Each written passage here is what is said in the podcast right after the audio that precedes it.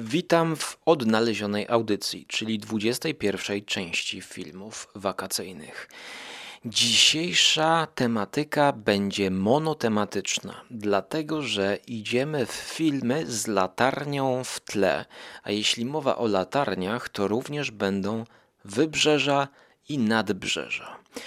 Odcinek do słuchania nad morzem, odcinek, do którego teraz nagrywając wstęp chciałem podziękować patronom za wsparcie i również zaprosić wszystkich innych do wejścia na grupę dla patronów e, i również do dostępu do dodatkowych audycji przed premier, a także e, wideo.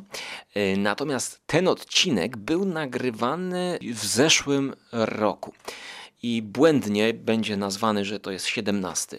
Puszczamy go z opóźnieniem, dlatego 21 odcinek teraz następuje. To się łączy dobrze z poprzednim odcinkiem, bo w końcówce 20 odcinka filmów wakacyjnych e, zastanawiałem się na głos, gdzie ja podziałem. No całe szczęście ten odcinek się znalazł jest, e, myślę, wyjątkowy pod tym kątem, że udało mi się zgromadzić kilka filmów, zarówno z plażą, z, z wydmami, i, i również znajdzie się tutaj film e, polecony mnie przez kolegę Szymasa, e, Blood Beach. Tak więc no, jestem uradowany, bo miks wyjątkowy, monotematyczny. Filmy te zbierałem długo, dlatego serdecznie zapraszam Was do wysłuchania jedziemy z tym koksem, a właściwie jedziemy nad morze. Żarłok i Skóra i Mando, Jerry, Wokusia, Szymas oraz nasi goście. W dzisiejszym 17 odcinku filmów wakacyjnych zajmiemy się następującymi sprawami. Zaczniemy od opowiadania polskiego literata Kornela Filipowicza, partnera Wisławy Szymborskiej.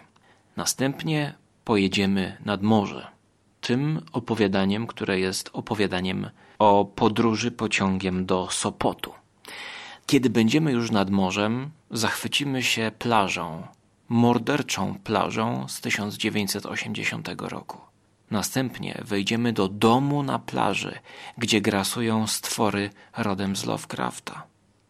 A kiedy będziemy już na tym wybrzeżu, to latarnicy z filmu Vanishing i latarnicy z, nawet z romantycznego dramatu Light Between Oceans.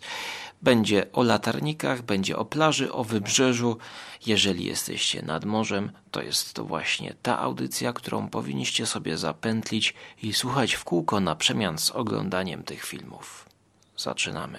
Po tej stronie skóra, a po tamtej mam nadzieję, że ci, którzy są właśnie nad morzem.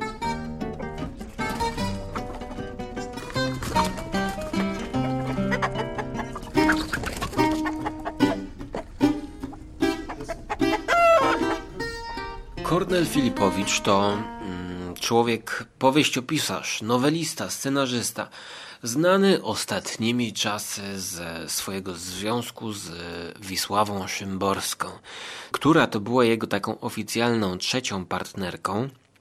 Wcześniej był związany z Marią Jaremą, Marią Pruchnicką, a co ciekawe, to właśnie z tą najbardziej znaną dzisiaj chyba i pamiętaną Szymborską nie wiązał go ani związek małżeński, ani wspólne mieszkanie, jak podaje Wikipedia. A co mnie wiąże z Kornelem? Przede wszystkim zbiór jego opowiadań, opowiadania cieszyńskie, gdzie opisuje swoje losy mm, w okolicach Śląska Cieszyńskiego, choć są to opowiadania fabularyzowane. Śląsk Cieszyński, Beskidy to jest to, co lubię. Dlatego sięgam po jego opowiadania. E, mam tom pod tytułem Romans prowincjonalny. To brzmi niezachęcająco, ale to jest świetny zbiór krótkich opowiadań i jednej długiej noweli tytułowej, która była zekranizowana jako romans prowincjonalny, właśnie stare, dobre polskie kino, ale dzisiaj e, jest to coś, co ja przeczytałem tuż przed nagraniem. To opowiadanie krótkie, 15-stronicowe. On pisze króciutko, e, pod tytułem Podróż do Sopotu, czyli opowiadanie naiwne. Choć opowiadanie niebanalne. E, I tutaj, jeżeli chcielibyście zaczynać od Kornela Filipowicza, to ja polecam ten zbiór, wydawnictwo Znak, 2018 rok. E, ja go czytam już trzeci rok właściwie, no czy drugi. E, są tutaj ciekawe teksty, takie rodem z realizmu magicznego, choć sam Kornel nazywany jest realistą metafizycznym, piewcą polskiej prowincji. To był mistrz opowiadania, niezwykle przenikliwy, w, osobliwy sposób łączył skojarzoną z XIX-wieczną prozą solidność z typowymi dla XX wieku wątpliwościami co do poznawczych możliwości literatury. Takie sformułowanie. Poznawcze zdolności literatury. Ja nie wiem, co on chce poznać, ale wy poznajcie opowiadania, ty tytuły opowiadań. Pensjonat pod Złotą Różą to jest opowiadanie też wakacyjne. Ślub w małym drewnianym kościółku. Między snem a snem to jest świetne opowiadanie. Adela, czyli znaleziony list w szufladzie. Albo wspomnienia są moim słodkim pokarmem. Ja sobie to czytam, zaznaczając takimi ptaszkami na, na spisie treści i szczerze mówiąc, to ja e, mało co pamiętam te opowiadania. Jedyne, co mi zostaje w głowie, to jest to, że to jest po prostu o życiu, uogólniając. Ale to może przejdźmy do konkretów i o czym jest podróż do Sopotu. Otóż główną bohaterką jest Maryla, która ma dopiero 13 lat. Maryla w lipcu ma pojechać na wakacje. Właściwie lekarz jej zlecił, że ona musi tam, e, cytuję, spędzić wakacje raczej nad morzem niż w górach. No i akurat rodzice chcą pomalować mieszkanie i chcą się jej pozbyć, muszą się jej pozbyć i wysyłają ją pociągiem. Jest opisane właśnie to, jak kupują bilet, jak wysyłają ją pociągiem, jak ją odprowadzają na peron, jak ona sama tam jedzie. Chyba ktoś tam ma na nią czekać już nad morzem. Mm, ma przejechać całą Polskę. Ona się przygotowuje do tej imprezy, do tego wyjazdu, ona się pakuje. Więc my początkowo z perspektywy małej dziewczynki, młodej osóbki, która czuje no, ekscytację tą podróżą nad morze, ona jest takim naszym e, okiem. My patrzymy przez nią. Co się dzieje, kiedy ona wsiada do pociągu? To jest pociąg, e, no to, to, to jest w ogóle e, Filipowicz urodzony w, 2000, w 1913, zmarł w 1990, więc to za PRL-u się tutaj toczą te opowiadania. Wsiadamy do pociągu, który jest e, wagonem sypialnym. Ona tam ma swoje miejsce i ona obserwuje tych starszych ludzi. Jakaś starsza kobieta, babcia chce już spać, jakieś młode małżeństwo. Dziewczynka wychodzi na, na korytarz, widzi jakiegoś mężczyznę, który rozmawia z kobietą. Ten mężczyzna się jej podoba. Maryla idzie kupić wodę mineralną, pije tą wodę mineralną. Jeden z mężczyzn, już kiedy Marylka wróciła do przedziału, proponuje jej papierosa. Ona mówi, że nie dziękuję, że ona rzuciła tego papierosa. A tak, rzuciła pani. A ile pani ma lat? A ile pan ma lat? Na ile wyglądam? Co tu dzieje się dziwnego? Zapytacie. No właśnie. W trakcie tego opowiadania w trakcie tej podróży, w trakcie tej narracji, ta dziewczyna chyba doroślała, wydoroślała. Tutaj następuje jakaś magiczna przemiana. Ta dziewczyna z dziewczynki zamienia się już na dorosłą kobietę i ona zaczyna rozmawiać z tym mężczyzną, jakby flirtowała, jakby to był podryw też to opowiadanie to jest w ogóle y, jakby opowiadanie o przygodzie. Cytuję: Maryla była gotowa przeżyć jakąś pierwszą, małą, autentyczną przygodę, interesującą, taką, którą się pamięta. Nie chciała jednak, aby przygoda połączona była z jakimiś komplikacjami. Nie wiedziała, jakie mogą być te komplikacje, bała się ich instynktownie, a jednocześnie była gotowa stawiać im odważnie czoła. I tutaj z jednej strony to jest przygoda, jaką czeka młodą dziewczynkę wyjazd nad morze, a z trzeciej strony, a właściwie z tej pierwszej, przygoda to jest to życie, które czeka tą Marylę jako już dorosłą kobietę. Więc tutaj jest taki myk zrobiony w tym opowiadaniu, który jest bardzo zaskakujący. To jest coś, co mnie łączy się trochę tak jakby opowiadania Jacka Ketchama e, w takim świecie tutaj bez, bez zła, bez grozy. Świetne opowiadanie a całość zmierza do tego, że ona właściwie podgląda, jak ten mężczyzna w przedziale ogląda jakiegoś, jakieś pisemko, jakiegoś świerszczyka i ona tam widzi jakieś obrazki. No i my nie wiemy tak do końca, czy to rzeczywiście jest coś dziwnego się wydarzyło, że ta dziewczynka została poczęstowana papierosem, czy ona już dojrzała. Niejednoznaczne, niepokojące trochę opowiadanie, pokazujące, że tak powiem, taki stryk stryknięcie palcem i kobieta jest już dorosła. I czemu to jest opowiadanie naiwne? Justyna Sobolewska pisała, że kiedy po latach wróciłam do opowiadań Filipowicza, zadziwiło mnie, jak bardzo współczesnym zdaje się pisarzem jak wiele mówi o nas. I dokładnie takie miałem samo wrażenie, że to są opowiadania współczesne, choć osadzone w tym PRL-u. W przeciwieństwie do Latarnika Henryka Sienkiewicza, o którym co nieco powiem, jak e, dojdziemy do tych filmów o latarnikach. A teraz, jak już dojechaliśmy tym pociągiem nad morze, wysiadamy, to pierwsze co robimy, to zostawiamy swoje pakunki i bagaże w, w kempingu, w domku nad morzem i nawet nie siadając, od razu pierwsze co się robi, to chodźmy na plażę. No i właśnie, na plażę poszli twórcy filmu z 1980 roku. I to nie była przyjazna plaża. To była plaża, która nazywała się Blood Beach. Pretty, isn't it? The beaches of LA. playground of America. Until this beach turned into a living nightmare. You said creature. Why did you use that word? I don't know. What would you call it? Blood Beach, man. Yeah, right on. Blood Beach. Blood Beach to film horror, film opowiadający o morderczej plaży. I tyle powinno wam wystarczyć. Choć yy, może Wystarczy wam, że ja to obejrzałem. To jest film no, nieodnowiony, nieodrestaurowany. Jest to film opowiadający o. Zaczyna się to tak, że dziewczyna bawi się na plaży z kolegami i z koleżankami w takie zasypywanie, tak robi się taką mumię, przysypuje się dziewczyny. No i okazuje się, że coś ją zaczyna zjadać tam od dołu. Nie widzimy co. No bo wiadomo, no budżet prawie że zerowy w tym filmie jest. To się ciężko teraz ogląda, bo to jest w ogóle nieodrestaurowane. Ta dziewczyna zaczyna krzyczeć, ludzie uciekają, no i okazuje się, że tam pojawiły się na plaży jakieś Nazwijmy to czerwie. O, tremors. Ci, którzy znają tremors, to, to wiedzą, że pod ziemią są takie robaki, które e, wsysają ludzi i zjadają.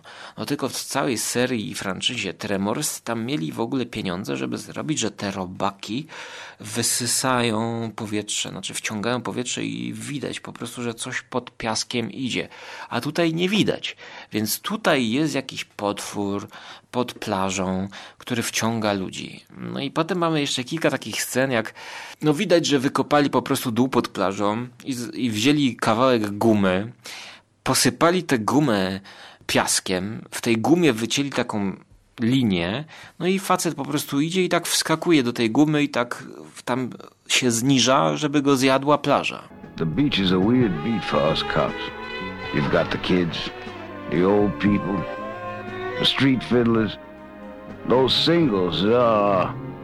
Ogląda się to ciężko, bo no, te sceny efektów specjalnych są jest ki kilka, no mało jest tego i to właściwie to tak, jak wyjdziesz sobie zrobić kawę, to możesz przegapić to, tą plażę morderczą. Bo jednocześnie do tego zaczyna się śledztwo dwóch detektywów.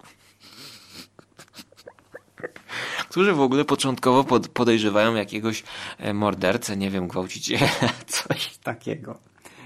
Jak ja to oglądałem w sierpniu, to mnie rzuciło się w oczy e, takie nawiązania z COVID-em. Tam jest taka scena, że e, reporter telewizyjny przeprowadza wywiad z tymi ludźmi, którzy siedzą na plaży. To normalnie tak jakbym, tak, film współczesny. Reporter podchodzi do przypadkowych dziewczyn na plaży i pyta, czy nie boicie się tak siedzieć na plaży, jak grasuje tutaj ponoć jakiś potwór albo morderca? Nie, nie, nie, my tutaj sobie siedzimy, patrz, jemy, nic się nie dzieje. Ja myślimy, że inni panikują. Normalnie tak jak te polskie, jak podchodzą do ludzi i pytają, czy nie boicie się chodzić bez maseczki, jak COVID grasuje? There was every form of human life on this beach. Madras Bermudas, bleeding madras. They were kind of old, but you know, they were his favorite pair. They were still in good condition. But under the beach, there was this, I don't know, this horrible thing. And we still haven't figured it out. What the hell are we looking for? I don't know. Na koniec filmu, bo to jest w ogóle jak ktoś chce to obejrzeć, to niech zobaczy tylko te sceny mordowania przez morderczą plażę potem na koniec w ogóle czekałem, czekałem, czy ten potwór wyjdzie z tego piasku, czy oni wejdą do tego piasku, czy wysadzą tą plażę w powietrze. Kamera w pewnym momencie zostaje zjedzona przez ten piasek i my wraz z inną bohaterką jakby jesteśmy w stanie zanurkować do tej dziury, która wchłania, no i tam widzimy scenografię. No i to jest taka scenografia, jakby coś tam takiej czerwonej pianki do, do okien, jak się jest taki kit do okien, nie? Taki żółty. Taka pianka, kurde, nie kreślarska pianka, tylko murownicza pianka, zapomniałem jak to się nazywa. I to jest tak, jakby to na, na czerwono pomalowali sprayem. Że, że niby takie flaki są i ta, ta dziewczyna tam spada i krzyczy. Ale to jest tak zrobione, że ona, widzimy ją w środku tej pieczary takiej i jest bardzo odseparowane to od wszystkiego, że w tle tylko ciemność widać i ten, te czerwień. No, no film jest no, beznadziejny. No. Nie daje żadnej satysfakcji nawet miłośnikom B-klasowców, C-klasowców najlepsze, szczerze mówiąc, tego wszystkiego to jest plakat. Jest, rzeczywiście jest rewelacyjny, no bo na plakacie widać kobietę, która w połowie jest zjadana przez morderczą plażę i sam tytuł Blood Beach jest no iście grający na wyobraźnię, e, działający na wyobraźnię, ale gdzie jest w ogóle ten blot, cała krew? Ja myślałem, że ta, ta, plaża po zjedzeniu to będzie się odbijać tą krwią, będzie sikać, będą wulkany krwi z plaży.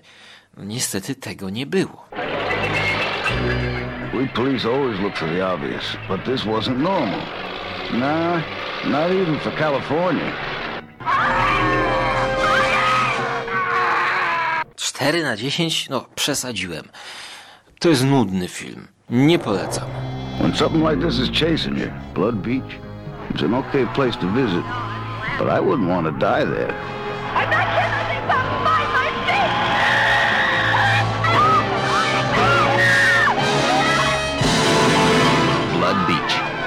David Huffman, Mariana Hill, John Saxon, and Young as Lieutenant. Blood Beach, where the water may be the safest place to be. A następne dzieło to będzie coś, co już dałem 6 na 10 i to będzie też horror. No bo jak już poznaliśmy się z tą plażą i wiemy, że ta plaża jest taka nieprzyjazna, zresztą na YouTubie jest taki filmik Blood Beach Funnies Scenes, Scenes, czyli najśmieszniejsze sceny. To wystarczy obejrzeć na YouTubie.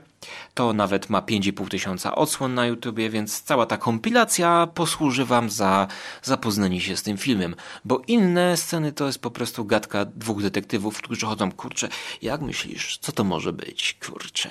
Facet, który jest tym mordercą, musi być bardzo sprytny. Tak, tak nie, po prostu nie, no, no nie ma sensu. No, po, to, to jest film, który miał być straszny, a wyszedł e, nudny i śmieszny tylko wtedy, kiedy jest e, efekt specjalny morderczej plaży. Natomiast film Beach House, no to jest już ten moment, kiedy my wracamy z plaży. Pierwszy spacer za nami, no i zwykle z partnerką czy z partnerem chcemy iść do domu. I tak ten film się też zaczyna. Film Beach House z 2019 roku, nowy. To jest chyba pierwszy film reżysera niejakiego Jeffrey E. Brown. Mamy tutaj młodego aktora i młodą aktorkę. Właściwie tutaj są tylko czterech, chyba pięciu aktorów. To jest bardzo kameralny film. Chłopak młody z dziewczyną e, wchodzą do domu, który jest na plaży. Stąd tytuł Beach House. Brawo, brawo, brawo, świetny pomysł. Prosty tytuł, ale to jest właśnie bardzo prosty film. To jest prosty horror. Nie ma tutaj nic oprócz tego, co zaraz Wam opowiem. Na początku jest fajne budowanie napięcia, ponieważ my wchodzimy do opuszczonego domu, który to domek jest już po sezonie. Zaczyna się po sezonie. Tak? Ja wiele razy byłem nad morzem właśnie po sezonie. Wrzesień i październik, ja uwielbiam te klimaty. Tutaj jest już tak trochę chłodniej i to jest taki dom, pokazany dom na plaży z dala od miasta. Super klimat, muszę powiedzieć. No i młody chłopak z dziewczyną wchodzą, no i wiadomo, że oni tam chcą y, skorzystać z tego domu, przespać się, razem spędzić jakiś tydzień, e, dlatego że ten młody chłopak, to jest młodzież właściwie, tak można by powiedzieć, ma klucze do mieszkania. I to jest dom, który jego ojciec, który się tam gdzieś rozwiódł, wyjechał, teraz nie używa. No i on ma te klucze zapasowe, więc oni wchodzą, zaczynają się rozbierać, siadać, już się zadamawiać, a tu nagle ktoś wchodzi do domu. Czy to jest morderca? Kto to jest? Nie wiemy, jest zdziwienie. Okazuje się, że to jest jakaś para, ale starsza para e, mężczyzny i kobiety. Okazuje się, że oni wynajmują ten dom i wracają właśnie z zakupów i mieszkają tutaj po sezonie. No i okazało się, że właśnie ojciec tego głównego bohatera e, wynajął takiej parze. No, jest taka krępująca sytuacja, ale ci starsi proponują, no jest dużo miejsca. Jeżeli taki jest jakby, no nie wiedział twój tata o tym, no to zamieszkajmy razem. I oni razem zamieszkują. When you see someone change in front of you, and you know there's no going back, it scares me to death. Tutaj mamy trochę ich rela relację pokazaną, czyli zderzenie pokoleń, młodzi versus starzy. E, tutaj młodzi chcieli mm, palić marihuanę, e, więc e, trochę też jest krępująca sytuacja, ale ten, ten starszy tam będzie wspominał, no i też zajara z tymi młodszymi. I zaczyna się dziać coś dziwnego. Od tego narkotyku zaczyna się dziać coś dziwnego, ponieważ no, zaczyna się coś ala wariacja na temat e, koloru z przestworzy e, Lovecrafta. Zaczyna się coś ala Animal Attack, gdyż z kranów e, zaczynają sączyć się ro robaki. To są takie dziwne potwory, a podczas ich narkotycznego tripu właśnie pojawia się jakiś kolor z przestworzy. Więc mamy tutaj e, też science fiction wprowadzone na małą skalę. To jest właśnie jeden z tych filmów, który jest filmem kameralnym pokazującym inwazję z kosmosu bądź atak z kosmitami.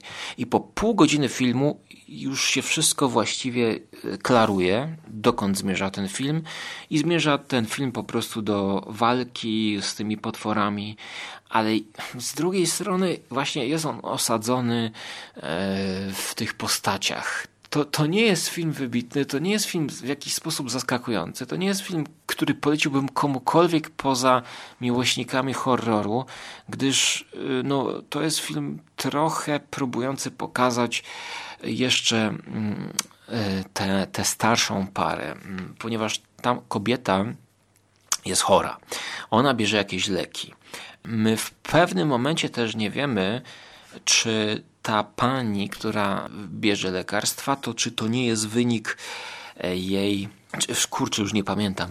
E, ona w pewnym momencie, ona biorąc te lekarstwa, ma jakiś skutek uboczny. Pomimo, że ona nie brała marihuany, to e, jest jakiś problem. Ona na przykład pada, pada, mdleje i nie wiemy właśnie, czy to jest wina tych robaków fluorescencyjnych, trochę takich, y, czy one na nią mają jakiś wpływ. Y, czy to są lekarstwa, czy ona też paliła.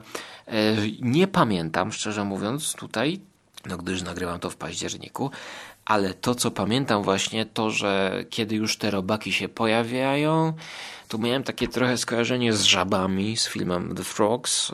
Też żaby opanowują dom. E, to były lata 70. To zostało omówione, z, z, ja to z Szymasem w nawiedzonym podcaście omówiłem. Tylko, że to jest, e, tutaj jest przeprowadzone to w sposób bu budżetowy i w sposób, mm, nie, nie w jaki sposób, w horror. Z tego się robi po prostu nic więcej, tylko horror. Obyczaj schodzi. No one's been here in months. It's beautiful. I love you, you know. I love you too. Refill? Yes, please. I 6 na 10, no jest właściwie, no nie mam notatek, ale to jest po prostu, to jest po prostu wariacja na temat koloru z przestworzy Lovecrafta.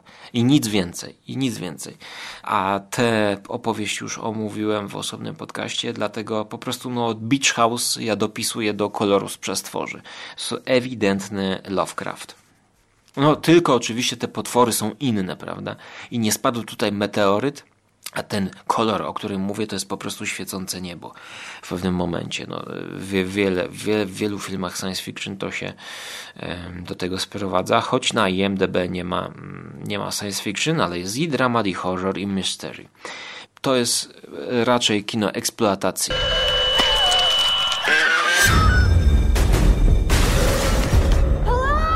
What is going on? I don't know. Something from the water.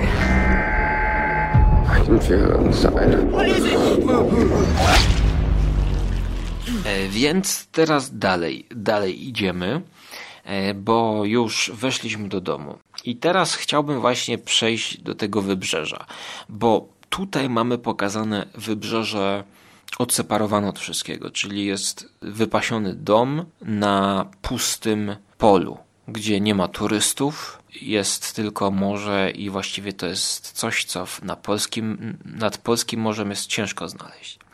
A to było kręcone w Ameryce, to jest amerykański film.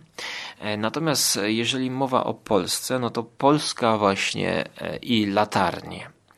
Sopot. Właśnie w Sopocie jest latarnia i dlatego teraz przechodzę do klasyka Henryka Sienkiewicza. Latarnik. E, Otóż, słuchajcie, e, latarnik, trzeba to wspomnieć. Ja, ja to chcę, żeby to było takie honorable mentions. To tak jak robią zestawienia, to jest takie właśnie honorowe wspomnienie. Nie, ja nie umiem tłumaczyć. Za dużo słów, żeby wybrać odpowiedni e, zwrot. Nie będę mówił tutaj o filmie z 77, który był ekranizacją tego opowiadania. Ta nowela uchodzi za jedną z najlepszych polskich nowel ponoć. Pochodzi z 1881 roku i możecie jej posłuchać w formie audiobooka. Na wolne lektury y, Jan Peszek ją czyta. Ogólnie ja to zacząłem sobie odświeżać i jestem już rozczarowany na wstępie, dlatego to jest tylko honorable mentions i ogólny jakby szkic i pomysł jest na to, że starzejący się latarnik chce znaleźć spokój na starość. I tutaj to chyba taki mit został wprowadzony przez Sienkiewicza, że ta praca dla latarnika to jest taki stary latarnik. On sobie będzie siedział przy herbatce i świeczce i zapalał tą latarnię. Zupełnie co innego niż to, co będziemy mówić później. Bo zarówno u Eggersa, jak i u Dereka Chanfransa, y, czy Christophera Nyholma, norweskiego reżysera, który zrobił Vanishing z Geraldem Butlerem, em, to u nich wszystkich to muszą być młodzi mm, latarnicy. Często oni się ścierają z doświadczeniem i ze starymi, ale to muszą być, to jest siła. Potrzebna jest siła, żeby być latarnikiem. No u Henryka Sienkiewicza mamy takiego latarnika starzejącego się, który był żołnierzem. Przybywa do latarni na starość, no i ten latarnik pewnego dnia otrzymuje paczkę z książkami. No i w tych paczkach są, no jest pan Tadeusz Mickiewicza. No i on tak czyta, czyta, on tak czytał i zapomniał gdzie jest. Poczuł się jak e, w Polsce, bo ta latarnia, latarnika u Sienkiewicza jest w Aspinwall i on przez to, że tak zatęsknił i się zaczytał w tych książkach, to zapadł w sen który był o Polsce. No i następnego ranka otrzymał wiadomość, że przez to zaniedbanie rozbiła się łódź. No i okazało się, że nie zapalił latarni. Został zwolniony i musiał wyruszyć na nowe szlaki, tułacze. Latarnik mieszka w latarni, utrzymuje ją w porządku. W dzień daje znaki wywieszaniem różnokolorowych flag wedle wskazówek barometru, w wieczór zaś zapala światło.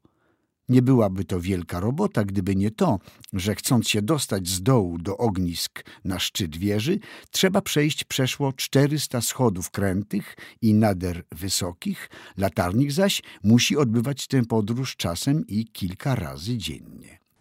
Świetnie Peszek czyta, to jest jeden audiobook i drugi audiobook to jest na Wikipedii polskiej, jest inny lektor. Oto mógł na tej skale po prostu urągać dawnemu tułactwu. To też jest dobrze przeczytane, ale jak ja doszedłem do tego momentu, jak ten latarnik dostaje się na tą posadę i jest na takiej rozmowie kwalifikacyjnej i opowiada, gdzie on to nie był, jakie bitwy wymienia. To by to taką jakąś publicystyką doraźną, te, te bitwy już nie, musiałbym znowu googlować, co to były za bitwy. Tyle, to jest takie, mam wrażenie, nieaktualne, takie ciężkie, pomimo, że to ma 8 stron, że ja to, jeżeli będę, no nie, przepraszam, przepraszam, nie odrobiłem zadania domowego, ja to dosłucham na spacerze, bo, bo teraz jest już późno. Nie wiedziałem w ogóle, że jest audiobook, więc może wrzucę to do następnego odcinka, ale honorable mentions, mentions, kuźwa, dobra. Przejdźmy do mięsa, przejdźmy do mięsa, ale kontynuujmy, bo Eggers, prawda, Lighthouse. I tutaj też nie będę tego omawiał. To jest film czarno-biały, który mroczny klimat, nie wiadomo czy polecać komuś to na film wakacyjny poza sezonem, ale to jest jak najbardziej właśnie morski film, który omówiliśmy w trzy osoby w konglomeracie podcastowym z Bogusią i Jerrym. Polecam dyskusję, ale ja chcę wam zaproponować alternatywę coś mniej znanego, a według mnie wcale nie gorszego od y, latarnika Eggersa, znaczy Lighthouse. Mianowicie właśnie Vanishing z 2018 roku, który zauroczył mnie niesamowitym plakatem. Plakatem kojarzącym się z plakatami Saula Bassa. E, plakatem minimalistycznym, nie wiadomo czemu kojarzącym mi się właśnie, no bo Saul Bass robił też plakaty do e, filmów z lat 50., mm, też Psychoza e, on też działał, ale plakaty właśnie takie filmów kryminalnych. On na tym plakacie zrobił na wybrzeżu pokazał latarnię. I właśnie, reżyser norweski, no jak wiemy, Norwegia to są rejony, ten, ten Norweg musi czuć to. On, wy go możecie znać e, z seriali. O, to jest reżyser serialowy. On kręcił The Killing, kręcił ostatnio The Tabu, właściwie samo Tabu się to nazywało i dobry serial trzyodcinkowy, e, domowy, domowy serial o nawiedzonym domu The Enfield Hunting. Świetny serial z mm, jednym z takich aktorów, którego zawsze z chęcią obejrzę. Timothy Spall. Trzyodcinkowy. No według mnie się to chyba lepiej podobało niż e, te, te filmy Flanagana. To jeszcze było przed Flanaganem, więc ja polecam, polecam. Enfield Hunting, 2015 rok. Polecam, polecam, polecam. I ten reżyser zrobił Keepers, oryginalnie Keepers albo Vanishing. To jest podwójny tytuł, raz tak, raz inaczej. Thomas! What is it? Is he alive? He's not breathing! The trunk! Drill it up! Gerald Butler gra młodego latarnika, który przyjeżdża na wyspę i tam jest starszy Peter Mallan. Stary wyjadacz to jest szkocki aktor. Na czym polega? Otóż właśnie no, to, jest, to, jest, to, to wychodziło mniej więcej w tym samym okresie co Lighthouse Eggersa, ale to jest powiedziałbym Lighthouse tylko w mainstreamowej wersji, w wersji thrillerowej. Ja powiedziałbym, że ci wszyscy, którzy zawiedli się Lighthouse, to Vanishing albo Keepers, bo to jest Keeper, to jest ten właśnie latarnik, To są latarnicy, inaczej tłumacząc. Keepers, czyli ci, którzy trzymają to światło, sprawują pieczę nad światłem w latarni, nad sercem latarni. Polecam ten film wszystkim, dla których Eggers i Lighthouse był zbyt taki arthouse'owy. To jest opowieść o tym, że na tę wyspę, gdzie jest latarnia i tych dwóch latarników, trafia łódka. Łódka się rozbija i to jest łódka z jednym pasażerem, który już no, nie żyje i z jakimś ładunkiem, skrzynką. Więc nie wiadomo, czy on żyje do końca, czy nie żyje, bo to jest takie wybrzeże właśnie gdzieś jak w Szkocji czy w Walii i oni widzą, że trzeba mu pomóc. Pomóc. Trzeba spuścić linę i zejść w niedostępny rejon, żeby sprawdzić, czy ten człowiek żyje, no i wyciągnąć go i pogrzebać. No i wyobraźcie sobie, że w znakomitej scenie, pełnej napięcia, Gerald Butler spuszcza się na tej linie, tak przywiązany, w ogóle bez żadnego zabezpieczenia, i w tym momencie, jak on chce uratować go, to ten człowiek ożywa. Cały czas był żywy. A może odpoczywał? Nie wiadomo. I rzuca się i zaczyna dusić Butlera. I następuje walka na śmierć i życie. I on jest sam, bo tylko on sam spuścił się do tej pieczary. No i on zabija go, właściwie broniąc własnego życia. Dlaczego? W ogóle, dlaczego taka scena? Okazuje się, że ten pakunek, który był na tym łódce, to tam w środku jest złoto. I teraz się zaczyna film, gdyż oni biorą to złoto, początkowo w ogóle chcą je schować i oddać, z, zgłosić do, do kontroli y, policji i, i tam y, szefostwu, ale zaczynają wariować właśnie na punkcie tego złota. Bo wiedzą, że ktoś przyjedzie po to złoto i przyjeżdżają po to złoto jacyś, nie wiadomo, czy to są piraci i zaczyna się walka na śmierć i życie. People are going to ask questions. You found something? No. They'll come back. What do we do? We'll be careful. We stick together. Understand? A robi się jeszcze groźniej, ponieważ Gerald Butler y, jeszcze tam się pojawia trzeci latarnik, taki młody. W ogóle jakby są trzy pokolenia latarników, więc jest jeszcze ciekawej. Jest najstarszy dziadek, średni Butler i taki młodszy gość, taki właśnie młodzik.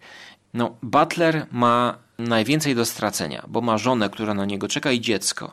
Stary dziadek chce spokoju, a młody nie wiemy, co mu może strzelić do głowy. I to jest właśnie jeszcze bardziej zakręcone. Przyjeżdżają i w pewnym momencie każdy chce tego złota, bo to jest taka ilość złota, ustawi im życie na całe życie. A tutaj, ale powiedziałem, ustawi im życie na całe życie. A tutaj przyjeżdżają jacyś piraci i w ogóle jak nie mogłem po prostu genialnie dobrany aktor właśnie, zaraz wam powiem kto to. E, aktor z Danii, duński Soren Malling. On też grał w Killing, więc podejrzewam, że się znali właśnie.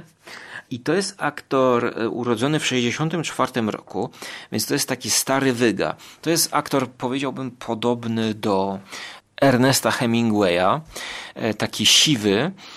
I on przyjeżdża na tą wyspę szukać złota przyjeżdża e, z drugim aktorem norweskim, słuchajcie, Olafur Dari Olafsson. E, to jest aktor e, o, urodzony w USA, ale to jest islandzki aktor. Ten aktor możecie go, go znać, gdyż omawiałem w filmach zimowych omawiałem film z jego udziałem, gdzie grał takiego detektywa. To jest ten gruby aktor. On grał w filmie Trapped. Zresztą w Nosferatu też grał w serialu. Ale Trapped. On w filmie Trapped grał detektywa, głównego detektywa. Tego grubego, takiego ślamazarnego detektywa. Więc tutaj dwóch takich piratów przyjeżdża na tę wyspę odebrać złoto. Napięcie, jakie stworzono, jest niesamowite, gdyż oni rozmawiają, bo dziadek, mimo że ten główny latarnik, dziadek, nazywam go, mówił, że trzeba oddać to złoto, bo to złoto ich pogrąży. W ogóle to złoto na początku jest tak trzymane w napięciu, że nie wiemy co to jest. E, do, tak jak w filmie Noir z lat 50. E, Aldricha, mm, zapomniałem, tam co się okazuje, że jest taka walizka i na końcu tej walizce okazuje się, że jest bomba atomowa. To tutaj też jest trzymane w napięciu, że nie wiemy, że to jest złoto. Dopiero jak ten stary dziadek otwiera to, analizuje sytuację, on też jednak chce to złoto. I wszyscy walczą o to złoto. Trochę też mi się przypomniał, e, to nie jest kraj dla starych ludzi, gdzie właśnie walizka z pieniędzmi mieszała ludziom w głowach. No i tutaj oni ustalają plan. Słuchajcie, musimy zakopać tego gościa. To był wypadek, ty broniłeś się w obronie własnej. Ty moralnie jakby jesteś usprawiedliwiony, ale teraz przyjdą i oni zabiorą nam to złoto. Ty nie zrobiłeś nic złego, tak? Ale ja im powiem, że nikogo tu nie było. Spalimy tą łódź, jego pochowamy, złoto zabierzemy. Nic takiego nie było. Miejsca. I największe napięcie w tym filmie to jest rozmowa. Jak my wiemy, że oni mają to złoto, a tamci szukają tego złota. I wydaje mi się, że bardzo to działa przez to, jak wyglądają te typki. We have to leave. We're not going anywhere. Where's my gold? Olafur, taki obsadzony wbrew tego detektywa. Zresztą on później grał tego detektywa w Trapped ale wiem, że to jest taki tępy grubas, który jest po to, żeby rozwalać czaszki. Taki wiking przyjechał. No a ten stary wyga, podobny do Ernesta Hemingwaya, to ma taki przenikliwy wzrok. I my patrząc na niego, to, to jest taki, wiecie, ten duński wzrok, taki patrzy na ciebie tak z ukosa. I wiemy, że ty mówisz, że tutaj nie mamy złota, ale widzimy, że on wie, że ty kłamiesz. To jest Duńczyk. Duńczyków nie da się okłamać. Znakomity film moim zdaniem. Znaczy znakomity. Thriller, rozrywkowy film.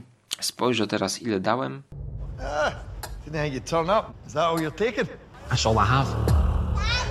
Hello, sweetie. I love you, Mary. 7 na 10. Polecam z całego serca o Connor Swindles. E, gra tego najmłodszego latarnika. Taki Brytyjczyk który też grał w Emmie.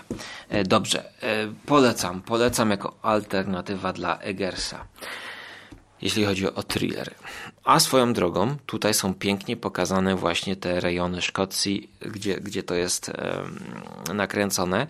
Tak, to jest chyba e, Flannan Isles Lighthouse. To jest akcja dzieje się of the west coast of mainland Scotland. One of the Flanand Islands, czyli flamandzkie wyspy, kuźwa, wyspy Flanana. I tam jest na jednej z tych wysp Flanana, to jest, należy do Wielkiej Brytanii, ale to jest archipelag na w paśmie hybrydów zewnętrznych Szkocji. I teraz e, ja chcę płynnie przejść dokładnie na takich samych klimatach do kolejnego filmu, który obejrzałem już po powrocie do domu, gdyż wspominany reżyser Derek Chan France Chan, Chan France, I don't know, e, który mm, wszedł tutaj na Oscarowe pole filmem Blue Valentine z Michelle Williams, a następnie z filmem z 2012 e, The Place Beyond the Pines z Ryanem Goslingiem. E, to był taki drugi jego film e, rozczarowujący z Iwą Mendes i Bradleyem Cooperem. Facet odpowiedzialny za romanse, tak? No Blue Valentine, romansidło i, to te, i ten drugi też był romansidłem. No y, właśnie oferuje nam kolejne romansidło, ale o latarniku czyli Light Between Oceans światło, promyk nadziei pomiędzy oceanami. What can I do? What should I do? Ja sięgnąłem po to, bo znam te jego poprzednie romansidła, w kinach byłem, e, ale obecnie ten reżyser nakręcił film z, z Markiem Ruffalo, którego bardzo, bardzo lubię to wiem na pewno. To wiem na pewno, że go lubię i to jest film o dwóch bliźniakach, gdzie Mark Ruffalo zagrał w podwójnej roli. Jednego bliźniaka, który jest zdrowy na umyśle i drugiego bliźniaka, który nie jest zdrowy. Sześć epizodów, świetnie się to ogląda, na razie jestem po dwóch odcinkach i właśnie wcześniej ten reżyser w 2016 nakręcił romansidło z Michaelem Fassbenderem, z Alicją Vikander, to jest ta z Ex Machiny, i z Rachel Weisz. No, ja mówię, no to muszę to obejrzeć. Tym bardziej, że piękny trailer i film 2 godziny 13 minut. Dearest Isabel, I can't stop thinking about the time I spent with you. No, motyw właśnie typowo latarnicki. Jestem dzisiaj zmęczony już, nie jadłem cały dzień, tracę przytomność. Jak długo mówię i mam mroczki przed oczami.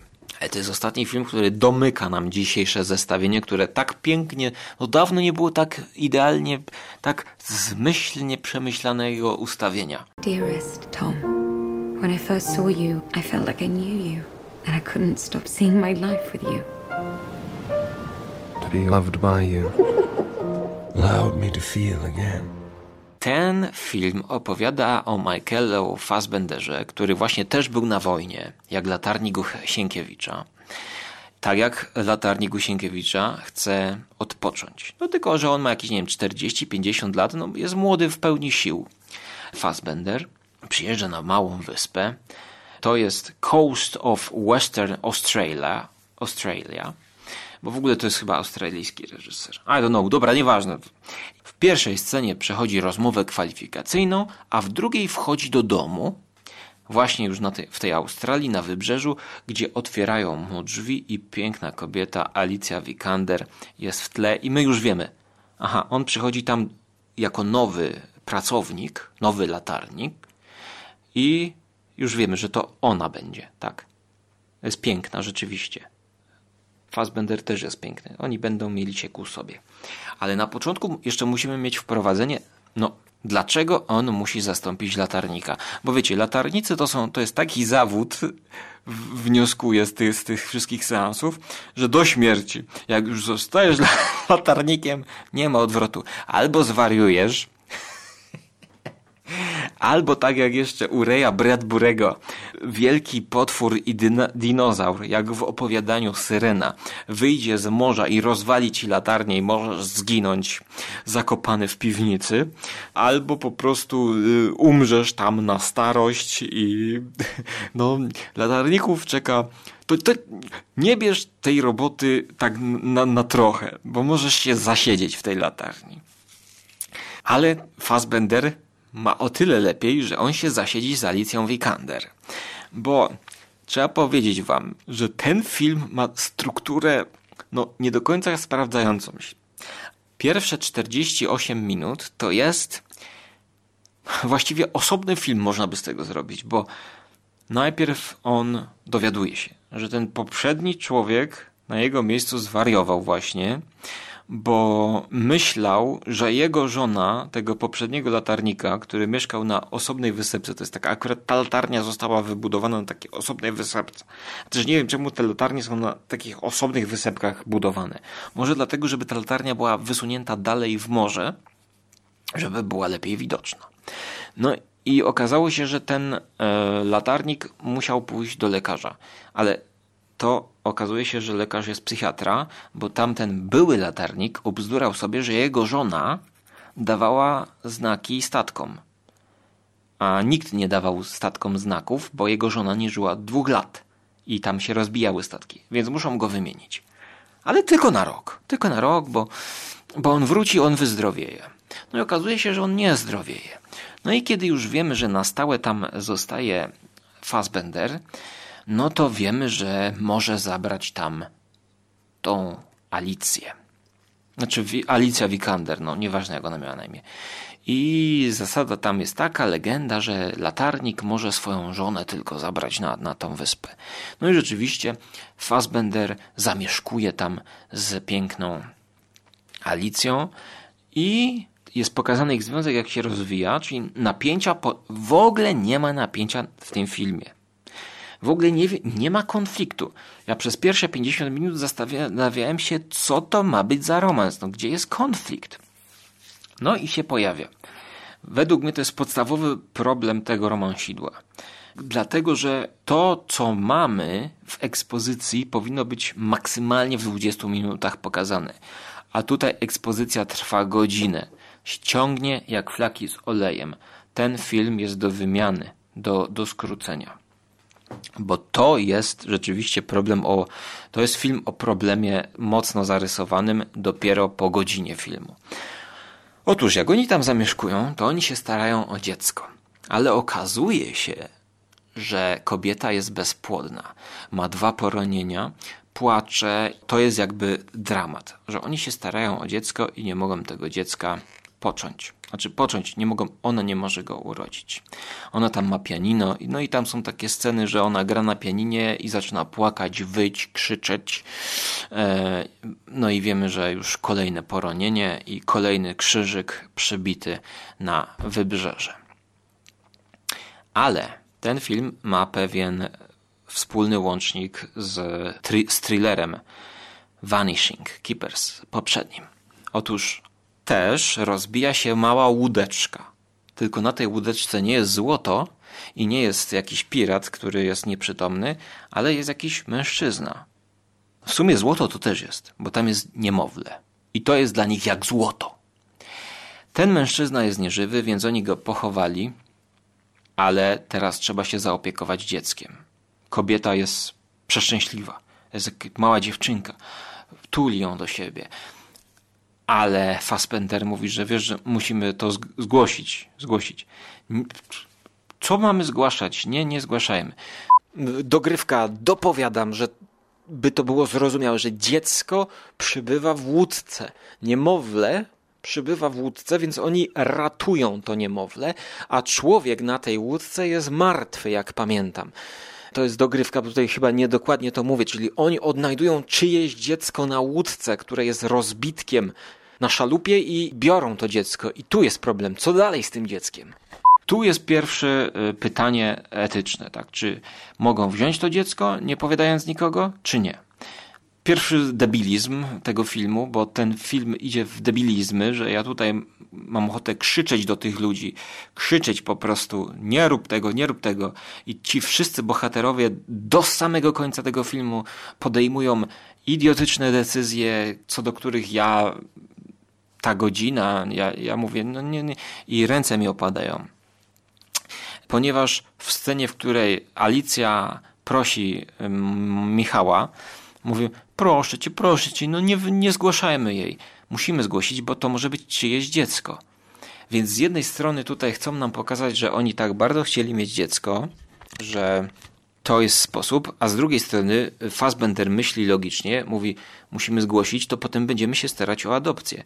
A ona mówi, ta, ta, ta, ta, ta kobieta, nie, nie, nie, nie, nie, nie, no, no, proszę cię, proszę cię. No, uległ kobiecie. Okej, okay, dobra. Mhm. Taki punkt wyjścia przyjmijmy. Ale okazuje się potem, że jak oni zaczynają się opiekować tym dzieckiem, spalają to, tą łódź, zakopują człowieka, zburzą te stare krzyże i nie mówią nikomu w ogóle, że oni mieli e, problemy z poczęciem, bo ta wysepka jest daleko i oni się komunikują co jakiś czas. Więc oni mówią rodzinie, która żyje na wyspie obok, z którą to rodziną, nie wiem, tam raz na pół roku się spotykają, że to jest ich córka, że poród był i że to jest ich córka. Oszukują wszystkich. I teraz właśnie na tym jest oparty ten film, że pojawia się prawowita matka. Oczywiście mieliśmy do tej pory, widzieliśmy ślub, wszystko, to jest cały związek, ich budowa jest pokazana tego związku. Ale teraz oni muszą ochrzcić to dziecko. Więc wracają na tą macierzystą, dużą wyspę, gdzie jest cała rodzina, no bo nie, nie rodzina Fassbendera, bo on jest po prostu takim samotnym typem latarnika, bo pojechał na tą wojnę i stracił wszystkich i całą rodzinę. Więc oni na tej macierzystej wyspie, wyspie są przy kościółku i chcą ochrzcić. I jak zanim się te chrzciny tego dziecka zaczynają, to Michael Fassbender słyszy jękliwy płacz, kobietę, płacze jakaś kobieta. Wychodzi z tego kościoła, coś go zaintrygowało, tak jak u Bergmana, e, tam gdzie rosną poziomki, tylko że to nie jest sen. I Fassbender widzi Rachel Weisz. I ona płacze, ta Rachel Weisz. I ta Rachel Weisz właśnie, to jest jakaś jedna tam mieszkanka tej wyspy, a to jest mała wyspa, wszyscy się znają. I ona płacze nad grobem y, małej dziewczynki i widzi właśnie, i, i, i, i Fassbender w tym momencie, tuż przed chrztem, wie, że to nie jest dziecko ich, że to jest Rachel Weisz dziecko i że teraz co oni robią to jest czyste zło, porwanie wręcz dziecka. A sprawy się komplikują jeszcze bardziej, że właśnie oni mają okazję się poznać na jakiejś tam imprezie towarzyskiej. W momencie, kiedy już ochrzcili to dziecko i Michael Fassbender z Alicją Vikander są na imprezie, podchodzi do nich Rachel Weisz i mówi o jakie ładne dziecko, o jaka ładna dziewczynka. No tak, gratuluję wam. I Rachel Weisz nie wie, że to jest jej dziecko. Nie wie, że to jest jej dziecko. I tutaj chłop, chłopaki, koledzy, słuchacze, słuchaczki, zaczyna się dopiero film właściwy.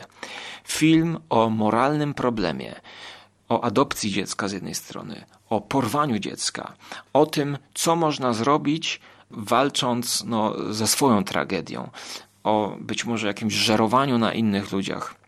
O tym jest ten film. Gdyż oni po prostu no, wzięli to dziecko i co teraz? No, w pewnym momencie, to zdradzając, bo ja tego filmu nie polecam, to jest po prostu 4 na 10 koniec końców mu dałem. W pewnym momencie Michael Fassbender zgłasza to. Zgłasza to, więc okazu- ujawnia się, że to jest ich, więc policja przybywa. E, a w ogóle w międzyczasie policja cały czas robi śledztwo, no bo to też to, ta, ta łódka się rozbiła i okazuje się, że ten, ten prawowity ojciec, ten co, co martwy przybył z tym dzieckiem, to on w ogóle wziął to niemowlę na jakąś wycieczkę krajoznawczą. W ogóle, w ogóle tego nie, nie rozumiem. Wziął niemowlę na dziecko i zginął. Nie, nie, nie, nie kapuję. Ale dobra, no zakładam. Potem znowu ty musisz przyjąć, że ten Fassbender zdradza Alicję i no, łamie się, mówi jaka była prawda, policja przychodzi i go kuje. Ale mówi, że on weźmie wszystko na siebie, znaczy w kajdanego. Ale Fassbender mówi, że to była jego pomysł, żeby Alicja Vikander mówiła, że ona została zmuszona przez Fassbendera. No ale jak można do tego zmusić? Ja, ja, nie, ja, ja nie rozumiem czasami tego scenariusza koncepcji, który chyba był w ogóle na, na książce oparty. I potem zaś ta Alicja się obraża za to, że on powiedział, jaka jest prawda. I odbierają tam dziewczynkę. I potem zaś on jest wtrącony do więzienia. A potem zaś przychodzi jeszcze refleksja kolejna, bo wiecie, Rachel Weisz gra matkę, która straciła dziecko. Jak ona dowiaduje się, że ukradli jej to dziecko, to ona jest wściekła. Ale kolejny jakby temat, który podejmuje ten twórca, reżyser, to jest wybaczenie. To jest, to powinno zmierzać do tego, że ona powinna wybaczyć. Zadajemy sobie też pytanie, czy powinna oddać to dziecko, bo to dziecko lepiej się czuje w objęciach Alicji Vikander, z którą się od dziecka wychowywała. A to lata stracone były, prawda? Bez prawdziwej matki. No a ta dziewczynka jest jak pomiędzy młotem i kowadłem. Nie wie, kto jest jej prawdziwą matką. Jest w rozsypce to, to dziecko. No i tutaj jeszcze jest motyw e, policjantów, którzy mówią weź to i no, tacy straszni policjanci. I ta Rachel Weisz znowu daje jakieś absurdalne ultimatum tej e, Alicji Vikander i mówi jej, że jeżeli powiesz, e, że to była wina męża, tylko męża, nie przyznasz się, to pozwolę ci się spotykać z tą z dziewczynką. Nie jakieś absurdalne ultimatum jej daje. Ona potem leci. Jest tyle takich zwrotów akcji od czapy, że ja, no niestety, straciłem z oczu ten najważniejszy i najciekawszy właśnie motyw etyczny. To nie jest to, co właśnie tak jak e, są filmy typu kurczę, nie pamiętam żadnego typu, ale wiecie, to jest taki film typu co zrobić? Mamy jakiś dylemat moralny i każde wyjście jest złe. No bo y, albo ma jakieś wady i minusy. Bohaterowie są postawieni w jakiejś sytuacji i coś dokonują i ty obserwując ich możesz oceniać. O, to źle, to źle. A ja, a ja tutaj nie chcę oceniać y, ludzi, jakiego dokonali wyboru, tylko chcę ocenić reżysera że on po prostu tutaj, gdyby zachował strukturę trzech aktów, to to by się lepiej oglądało i pomimo, że są tu piękne zdjęcia, piękni aktorzy, dobra gra aktorska, to niestety to nie są wichrowe wzgórza i to są górza, wzgórza, nudne wzgórza, nudne nadmorskie klimaty, to są piękne pocztówki, to jest jak oglądanie pięknych pocztówek. To jest straszna nuda. Niestety. A lubię obejrzeć dobry romans czasami. E, na przykład tutaj taki film Rebeka bodajże, albo już nie pamiętam, to chyba było kiedyś omawiane w filmach wakacyjnych. Taki z lat 40. czarno-biały taki film o takim nawiedzonym domu, ale to był bardziej romans niż horror. Mm, nie pamiętam tytułu. Ale kończę to już. Po prostu Light Between Oceans. Ja myślałem sobie jeszcze tak, że gdyby to nakręcił Terence Malik, to to miałoby sens, bo to wtedy byłaby taka poezja obrazów i muzyka, tak jak to dzisiaj kręci Malik. Ale to, co jest tutaj przez Dereka Cianfrance, to niestety jest nuda, a ja nie chcę, żeby ten podcast był nudny, dlatego kończę i zapraszam Was do Żarłok TV, zapraszam Was do kolejnych odcinków z serii Filmy Wakacyjne, zapraszam Was na Patronite, e, zapraszam Was do herbatki, ja już nie pamiętam, bo jest pierwsza w nocy doszła i mamy mroczki przed oczami. Po prostu idę palnąć się na łóżko. Pozdrawiam Was. Mam nadzieję, że odbyliśmy podróż pociągiem na plażę, do domów, na latarnię, wysoko i potem aż do piekła ludzkiej duszy i ludzkiego serca i kobiety, która nie mogła mieć dziecko i ukradła. Kończę. Tak się zagadałem, że nie zdążyłem sobie cytryny wkropić serdecznie dziękuję. A zamiast właśnie światła między oceanami, zdecydowanie polecam też ten nowy serial. Po dwóch odcinkach jestem, będę dalej oglądał z Markiem Rafalo. Tyle wiem na pewno o bliźniakach. Jednym chorym psychicznie na schizofrenię, a drugim zdrowym, który się nim opiekuje. Podwójna rola Marka Rafalo i tyle wiem na pewno, że to warto obejrzeć a tego nie warto. I tyle wiem na pewno, że już kończę i że Wam dziękuję. Do usłyszenia w przyszłości.